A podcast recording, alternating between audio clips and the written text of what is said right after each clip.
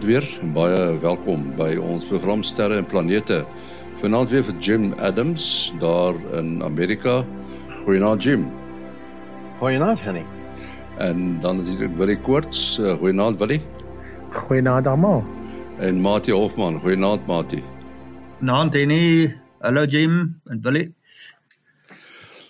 We want to talk about uh, Europa, uh, one of the moons of Jupiter. Jim, there's a mission being planned to go to Europa. Why Europa and what is the mission? So we'll get into a little bit in a moment what Europa is, but the mission is part of NASA's mission to find life beyond Earth. And it's a, a multi mission kind of thing because we don't know that much about Europa. We only have flyby pictures from Voyager and, uh, and I think it was New Horizons that we have pictures of, and so it's uh, it, we don't have much up close information. So we're the next mission to Europa is uh, scheduled for 2024, October of 2024, and it'll be a, a, reconnaissance mission called Europa Clipper. So it will, won't land; it'll fly. It'll do flybys of it, repeated highly elliptical orbits to try, try and do some mapping and reconnaissance of the surface of Europa. Europa is a very fascinating uh, moon of Jupiter. Uh, it is the, as you've mentioned, the second one uh, from Jupiter, and the radius of its orbits approximately 670,000 kilometers. We can compare that with the distance of Earth's moon, which is 380,000 uh, kilometers. So uh, not, uh, but less than twice as far as our moon uh, from Jupiter's center. Because of Jupiter's massive gravitation, gravitational uh, attraction, due to its uh, big mass, it orbits only in three and a half days and that we can compare with uh, the Earth's moon. That uh, even though it's closer, it takes uh, about 27 and a half days. Uh, so the orbital period of a satellite or a moon or a planet around another body is determined by uh, the mass of that planet and then, of course, uh, the distance from that planet. Now, uh, what makes uh, Euro- Europa so interesting is that uh, it has this icy, cracked icy surface, uh, and there are indications of sub ice or subsurface oceans, which makes it, uh, from that point of view, a very interesting object to study. And as uh, uh, Jim can tell us in more detail, uh, the reason why it has been selected for the Clipper mission to, to go and explore it much closer than it has been studied, uh, ever studied, and especially uh, to, to get more information, either directly or indirectly, from the uh, predicted subsurface oceans. There may be plumes coming from the oceans or water leaking through cracks. Uh, that can reveal more uh, information on that, but uh, we can speak to that a bit later. Just a few interesting uh, facts uh, about Europa to, to, give us a feeling for it. Let's compare it with with the Earth in terms of mass and size. It's only about 1.5 percent uh, the volume of the Earth and its mass is only 0.8%. So we can uh, conclude from that that its density, average density, is about half that uh, of the Earth. So the density of uh, is about three grams per cubic cent- centimeter. Uh, we know, of course, that the density of uh, water pure water, fresh water, is uh, one gram per cubic uh, centimeter. So Europa may have a lot of uh, water ocean, salty water oceans underneath the ice, but it can't be quantified at this stage. Uh, it uh, will probably be salty. That will make it more dense than water on Earth. But anyway, the three gram uh, per cubic centimeter density is much less than that of the Earth, which may indicate that, well, it would uh, can be explained if a lot of that is made of, of ice and water and not as much rock and uh, more dense substances and rocks. Just a bit of history. It was discovered on 8th of January 1610 by Galileo. It became known together with the other four moons discovered by Galileo as the four Galilean moons. And that uh, discovery and that view of the four moons moving apparently in a straight line, uh, if we look at it, but that straight line is actually uh, orbits, circular orbits, of approximately circular orbits that we look edge on. And the plane of those orbits are exactly the same as the plane of uh, of the solar system or the orbit of the Earth around the Sun. So that was a remarkable discovery that actually caused a paradigm shift towards the Copernican view or the heliocentric view that replaced the geocentric view. Okay, it didn't happen in one year, it happened over two, three decades after um, the discovery, uh, but it has had a big historical influence on astronomy and science in general. Mati spoke about the, the, the, saltiness of the water. Why is it salty? What makes water salty in such a place? Well, one the one of the presumptions is is that it's not pure water, and you can tell that just by looking at the density. Yeah, uh, but so what else would it be? One, we think that as the solar system formed, ice and minerals not I'm not going to say rock, but ice and minerals kind of came together, and um, then this this subsurface sea that Mati mentioned formed, and these minerals kind of dissolved into it. So salts is a logical thing to expect. And um, we're hoping to get up a, get a close up view of the surface because, as as Mati mentioned, uh, there might be plumes, there might be water emerging from these areas of uh, of the ice, these cracked areas of the ice they call chaos zones. So little bubbles of warmer water work their way up over thousands of years to towards the surface, and so we can get some spectroscopy done. Maybe that'll tell us better what the water is made of. But our presumption is salts. Three basic things you need in order to make life is liquid water. You need salt of some sort, and and you need uh, heat. And so the heat we think is coming from the orbit of Europa around Ju- Jupiter, which isn't quite exactly circular. So in this elliptical orbit, as it as Jupiter pushes and tugs and pulls on Europa, the icy shell cracks and creases and compresses and relaxes, and that little bit of friction makes enough heat to keep an ocean world warm. At least that's the presumption right now. In fact, we think, based on looking at the orbital dynamics that Mati mentioned earlier, that there might be as much as two or three times the water inside Europa as there is on Earth. That is, three times more water than Earth has inside this little icy moon um, that's just about the size of our moon, maybe a little smaller. Yeah, that's incredible. How does it compare to Enceladus, uh, the, one of the Saturn moons? Uh, yeah, because there were also plumes seen by Cassini. Yeah, in fact, the plumes were first spotted in Enceladus by Cassini, and that caused us to go back and start looking at Europa for plumes. And they have found some, but not the same as an Enceladus. And Enceladus is a smaller moon, much smaller. And uh, the, the, the fun thing is that Cassini had the opportunity to fly through one of those plumes.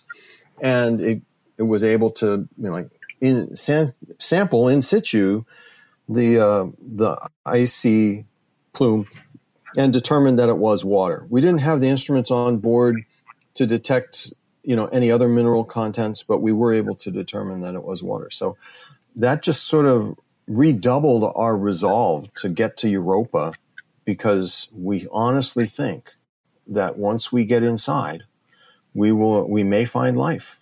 We don't know exactly what we'll find, but maybe we'll find life. But getting there is hmm. difficult. It starts with the reconnaissance that I mentioned, which is Europa Clipper in 2024. A quick question. Uh, uh, Jaap used to mention about a um, lander that'll probably tunnel through the ice or with a probe at least. Uh, was that Europa or, or, or, was it Enceladus? No, it was Europa, and it Europa. still is on the books. Uh-huh. Yeah, we could we could talk about that. So we mentioned Europa Clipper. It's going to launch in October of 2024. It'll be 2030 before it actually arrives at Europa, and then it'll start this mission to map Europa. Why is that important? Well, it's not. You know, you, you can't just send a lander down to the surface of something and expect it to always be flat. Mm-hmm. And landing on an on an inclined surface, you could tip over. You might not be able to get through the. You might not get the right angle that you want. And so, just like at Mars, we have this, these missions that mapped the surface of Mars very carefully, Mars Odyssey and Mars Reconnaissance Orbiter, before we put the ro- rovers down on the surface. Hmm. Um, we need the same kind of high resolution map of the surface of Europa um, before we can actually go down with a lander, like Jaapie might have mentioned. And then what's going to happen is that lander will have to get a secure footing and melt its way through 20 kilometers or so of ice in order to get down to the point where the surface is. So, in fact, one of the things that just was uh, announced was there's a scientist at the Jet Propulsion Lab, which is where Jaapie used to work, um, that has won a grant to examine a new sort of concept of how we might explore the oceans with a, um, a swarm of robots, robots the size of a cell phone. And so we can talk a little bit more about that, but I think I answered your question, Henny. Jim, if one look at the web page of the Clipper Mission, uh, one notices there's uh, quite a bewilder- bewildering number of instruments, uh, various kinds. Well, I've counted here maybe eight uh, magnetometers and uh, radar and spectrometers uh, of various kinds and thermal emission imaging and mm-hmm. so on. now, well, one of the things that one might, might hope for is that ra- radar can uh, reveals something significant about uh, the ice layer. But as far as I could find um, on the on the internet and other sources, is uh, ground penetrating radar. Uh, typically, I think can see say 15 20 meters under uh, right. under the surface uh, I think ice penetrating radar might do a little bit better. What do they hope to learn from the radar? I mean, it can't look through uh, through 20 kilometers of, of ice. But then they also mentioned that the, mag- uh, the magnetometer that can see the magnetic effects, the magnetic fields that exist in that region due to Jupiter, maybe something of Europa itself. But uh, using the magnetometer, uh, they hope to learn also something about the, the oceans. Uh, but it's a right. bit complicated to imagine uh, uh, uh, how you can get that type of information from these instruments. You, you called it exactly right. There's instruments that look at the heat. Remember, we talked about the necessity of heat in order to have an ocean world.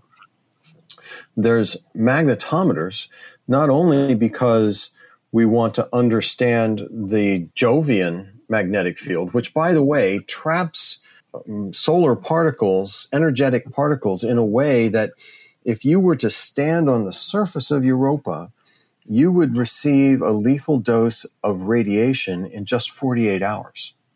So it's a very it's a very hostile environment from a radiation standpoint the the spectrometers are there obviously because we want to know what else aside from water is wrapped up in all this. There's these strange uh, brownish looking lines and stains on Europa that we don't really we don't know exactly what they are. And so obviously spectrometry would help us with that. And then the radar. So the radar is really there to help us see if we can't find a smooth surface where we can actually set down. We really don't know that much about the surface roughness of Europa. The radar is not being design, designed yet to do penetrating beneath the surface of Europa. This is all about mapping the surface roughness so that someday we could set uh, a lander down on the surface of Europa. And then from there, we'll go the next step, which is to try and characterize the ice shell. And then from that, then this idea of a of a um, robot that would deploy other robots that would slowly melt its way through the shell of, of European ice.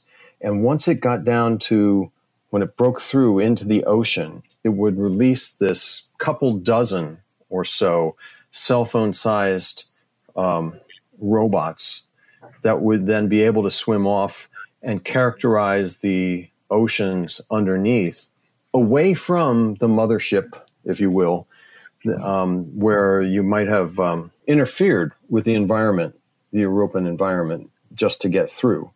So um, uh, it's a it's an amazing concept. Uh, this cool idea. They're calling these little robots um, the swarm of them. They're calling it SWIM, which I think is an apt, uh, acronym. So, but you know, we're talking we're, we're easily talking 2040 and beyond before something like this could actually happen yeah. because we have to yeah. characterize the surface and then we have to build a mission to get to the surface and then we have to build the robots and that sort of thing. And so the concept could change over the years. Okay. Well, I wonder how the, the robots will be powered. Yeah. Yeah. That's a good question. So um, they will have little tiny radioisotope thermoelectric generators, which is a, a concept that we've talked um, before about on Sterre en Planete. It takes uh, plutonium 238 and takes the heat from plutonium 238 and converts it to electricity. And um, so they'll be powering, they'll use these little tiny ones. We, we have some um, like one watt radioisotope thermoelectric generators, RTGs, on board most of our rovers because sometimes they get these cool spots and we have to like use them just for heat, but we can turn them into making electricity as well. They'll power these things that are, like I mentioned, they might look like cell phones, but they're really uh, robotic submarines. One one thing I, I saw was that um, they will keep a tether connected. There'll be a wire connected all the way through this twenty kilometers of ice. That that yeah. seems like because it's got to communicate with the mothership but also um, maybe I suppose one can send electricity down that that that as well. But to me, uh, for that thing not being frozen and get stuck in the ice is a is an amazing feat. Yeah, well, you know, I imagine that we're going to have to try it out, maybe in Antarctica or in uh, mm. Arctic somewhere, um, before we're confident that it would actually work. Because you can imagine melting through the ice and all the time sort of paying out this this uh, lanyard or the um, the cable uh, from the mothership down to the melter, we'll call it the melt head, will melt yeah. its way through and pay out a cable as it goes. Probably the uh, the ice will refreeze around that cable, so it'll yeah. like solid. It'll get solid again and yeah. this thing will just keep on deploying down towards the surface. And once it breaks through, it will then have, as you say, power and communications to the mothership, and it'll release these, like we said, cell phone sized submarines. And one of the things that the that the, hasn't been figured out just yet is exactly how the cell phone submarines are going to communicate with the melt head in order to send the signals back up to the mothership so the mothership can send the signals home to Earth. Mm-hmm. So, still a little bit of technology to figure out, but amazing idea um, and, and fantastic uh, to mm-hmm. take a peek inside one of the places in our solar system that's most likely to contain life if it's out there. Uh, Jim, will they use radioactive heat also to to melt through the ice? Of course, yes. it's quite substantial distance to go through the ice. That's always been the concept. There'd be some sort of either RTG or maybe even a little tiny reactor of some sort that will make a melt head and make it hot enough so that it can slide through down to the next level. And as it slowly slides through, there'll be a reel on board the melt head that pays out the cable so that then the water can freeze that, you know, behind it and there won't be any damage. Uh, interesting question is the, Europa moon has this icy crust. What about the other moons? Do they have the same characteristic? Oh, isn't that amazing? You know, everywhere we go, and the, the astronomers amongst us can really comment on that. But everywhere we go in the solar system, no two destinations are the same. Io is crazy different. It's got volcanoes, right? And um, and Callisto and and Europa and Ganymede, they're all different. And Europa is really the only one like this in, in the Jovian system that has a, a subsurface ocean world that we know of. What is the temperature uh, in that area like? Well, we're assuming that the temperature of the water is above zero uh, centigrade, right? Um, but I, on the surface, I, we'd have to look that up. I'm not sure. Yeah, I suppose it could be less than zero because of the pressure, né? Um, but anyway, yeah. Mm. But as you yeah. say, it is definitely above freezing, uh, or so they reckon. Yes. So, according to Google, it says minus 160 degrees Celsius is the surface of uh, at Europa on the equator. Okay. Wow. okay. So pretty cold. Talking about the launch, I, I, see it's going to be a um, SpaceX, uh, a Falcon Heavy. Yes. Uh, it was it was supposed to be the uh, the big what's the new big NASA thing, but it's not ready yet. Yeah, the SLS. Yeah, that's right. And yeah. and frankly, you know, it's a credit to SpaceX that they have perfected the Falcon Heavy to the point that they can actually start doing these size missions for NASA. Mm. Um, mm. And I would much rather see NASA buy um, a big rocket from commercial enterprise than have to build it in house and make it themselves.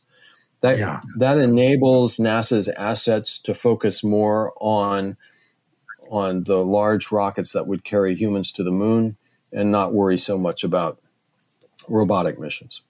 Very shortly, uh, the um, the Chinese rocket that plunged down to Earth. Mm. what do you think of that? I think that if we are going to explore space as humanity, we have to all get along. And some of that means saying to the world, I have this rocket body and it's going to come down. And and they I, I think the Chinese were in the wrong by not telling us that uh, where they expected to drop. And uh, and I they they've done the same thing when they did the anti-satellite experiment um, a decade or so mm-hmm. ago, and they blew up a one of their own satellites and created a debris cloud. So I, I really think that um, part of the peaceful exploration of space is going to involve creating the right kind of trust between nations so that we can all get along and not damage each other in the process. Right, we have to stop there. Uh, Jim, people can reach you on the Facebook page. Absolutely. Love answering questions on the Facebook group. Mati? Cellphone number 0836257154. Uh 0836257154. En dan wat die? 0724579208. 0724579208. En dan die e-posadres van die program is sterreplanete@gmail.com. sterreplanete@gmail.com. Ons uh, is volgende week by mekaar. Tot dan, alles van die beste.